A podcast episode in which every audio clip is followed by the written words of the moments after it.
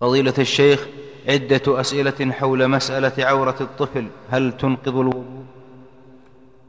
لا عورة الطفل لا تنقض الوضوء.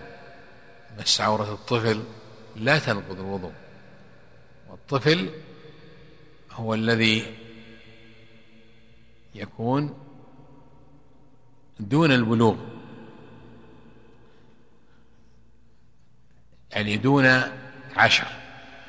لأنه إذا كان إذا بلغ عشر كان مظنة الاحتلام والبلوغ فيحتاط لعورته. أما قبل ذلك فلا ليس لعورته حكم. ولا تنقض الوضوء. والمرأة تمس عورة طفلها ولكن إذا أزالت عنه نجاسة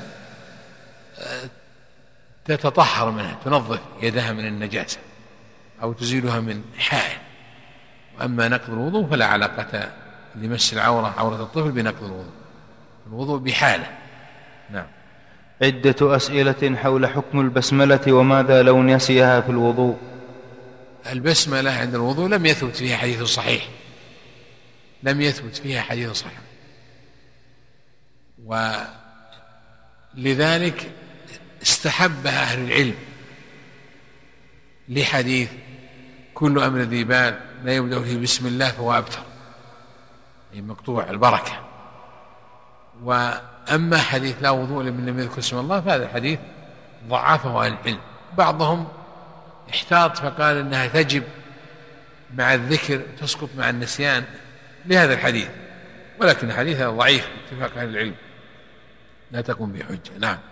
فضيلة الشيخ عدة أسئلة عن سلس البول وماذا يفعل من أصيب به؟ كما سبق. من به سلس البول هذا حدثه دائم هذا الذي ينبغي له أنه لا يتوضأ إلا بعد دخول الوقت أو عند إرادة الشروع فيما تشترط له الطهارة نص المصحف أو الطواف أو صلاة النافلة أو نحو ذلك فلا يتوضأ إلا عند دخول الوقت أو عند مباشرة ما تشرع له الطهارة. لكن إن كان السلس ينقطع في بعض الأوقات يتحرى الوقت الذي ينقطع فيه السلس ويتطهر فيه. وأما إذا كان دائم فعند دخول الوقت بعد دخول الوقت وعند إرادة مباشرة يشرع له الطهارة. فإذا توضأ فلا يكلف الله نفسا إلا وسعها. لا يضره خروج البول بعد وضوءه. إن الله تعالى يقول فاتقوا الله ما استطعتم. نعم.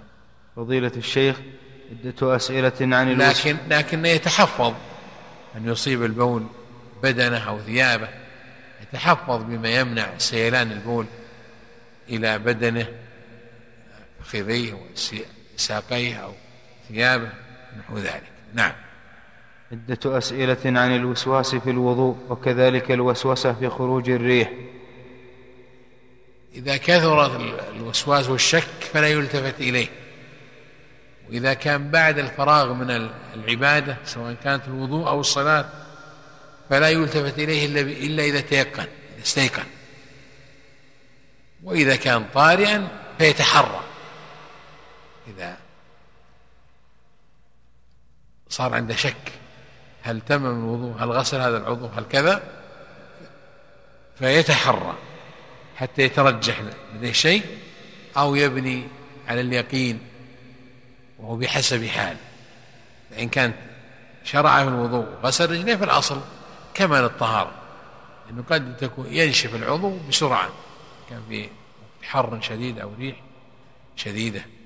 المقصود أن الإنسان لا يلتفت الوسواس في حالين إذا كثر والثانية إذا فرغ من العبادة لا يلتفت حتى يستيقن النقص. وما كان سوى ذلك فيتحرى. إذا صار عنده شك تحرى تذكر لعله يترجح لديه شيء. أو يبني على الأصل نعم.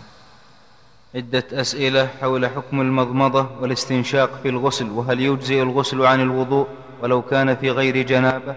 وما الحكم لو نسي المضمضة والاستنشاق في الغسل؟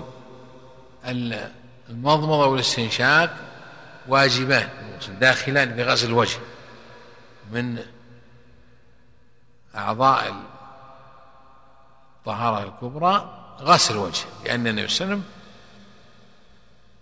أولا غسل فرجه ثم توضأ وضوءه للصلاة ومن ذلك غسل وجهه والمضمضة والاستنشاق. إذا تركهما ترك واجبا يحتاج إلى أن يعيد نعم هل يجزي الغسل عن الوضوء. الغسل إذا كان على الصفة المأثورة عن النبي صلى الله عليه وسلم معنى أنه غسل فرجه ثم توضأ وضوءه للصلاة حتى حتى وصل إلى الرأس فأسال الماء عليه ثم غسل شقه الأيمن ثم الأيسر ثم غسل رجليه. هنا دخل الوضوء في الغسل. فلا يحتاج إلى وضوء جديد. وأما إذا كان على غير تلك الصفة أنه اغتسل للتبرد أو نحو ذلك يحتاج إلى أن يتوضأ. نعم. عدة أسئلة عن صفة الغسل الكامل والمجزئ وهل يختلف غسل المرأة عن الرجل؟ ذكرت هذا أولا النبي صلى الله عليه وسلم لما أراد الغسل من الجنابة غسل فرجه. ثم بعد ذلك ضرب بيده حائط أو الأرض. قال أهل العلم أن ذلك لإزالة ما يكون علق بيده من رائحة المني. وعلى هذا يكون مقامه تعاطي الشامبوات أو الصابون أو غير ذلك.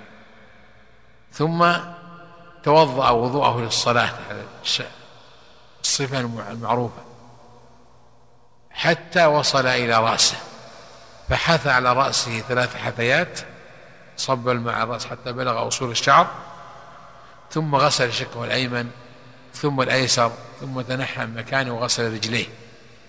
هذه صفة الغسل الكامل. والغسل من الحيض بالنسبة للمرأة كذلك. كذلك. لكن جاء في ذلك إنها تطهر فرجها بما لو رائحة طيب. كما قال خذي فرصة ممسكة يعني قطن لطيب ثم تطهري بها. هذا من كمال التطهير. ولا تحتاج المرأة إلى نقض شعرها إذا كان الماء يدخله. أما إذا كان في حوائل من حنة أو ورد أو نحو ذلك فيحتاج إلى نقض.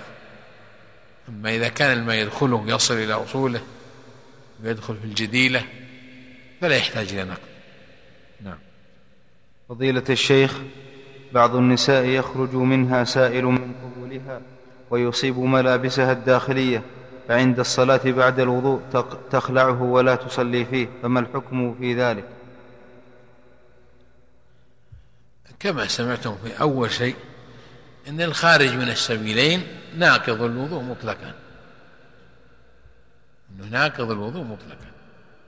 أما إذا كانت الرطوبة في الفرج ما تسيل فلا يضرها. أما إذا سالت فينبغي غسل ما أصاب من الثوب أو البدن. لأن هذا نجس.